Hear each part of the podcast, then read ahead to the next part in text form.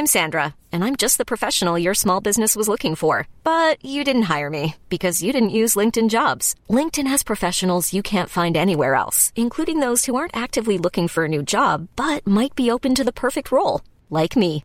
In a given month, over 70% of LinkedIn users don't visit other leading job sites. So if you're not looking on LinkedIn, you'll miss out on great candidates like Sandra. Start hiring professionals like a professional. Post your free job on linkedin.com/achieve today.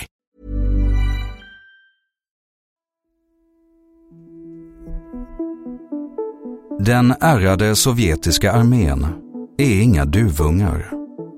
Ändå får de en chock av synen som möter dem den 27 januari 1945 när de kliver in genom Auschwitz grindar.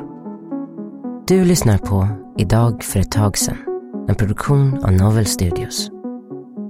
Majoriteten av de människor som hållits fångna av de tyska nazisterna har då lämnat lägret. 56 000 lägerfångar har då tvingats iväg på en av de dödsmarscher nazisterna använde sig av för fångtransporter. Och SS-soldater och vakter är också långt borta.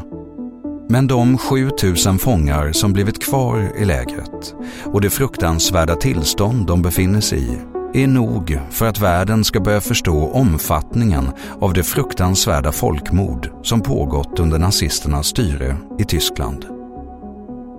När de sovjetiska soldaterna går in i Auschwitz har andra världskriget pågått i sex år.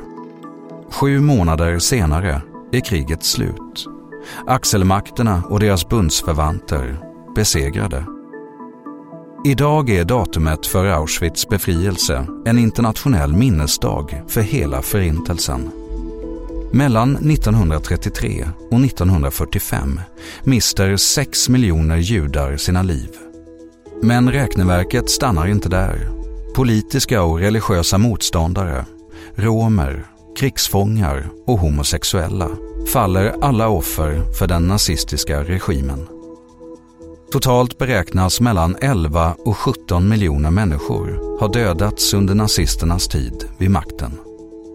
Det brukar sägas att människan måste vara medveten om sin historia för att inte upprepa sina misstag. Historiens väg framåt går genom berättelsen. Det är det enda sättet den kan leva kvar. I ord, från de som var med till de som inte var det.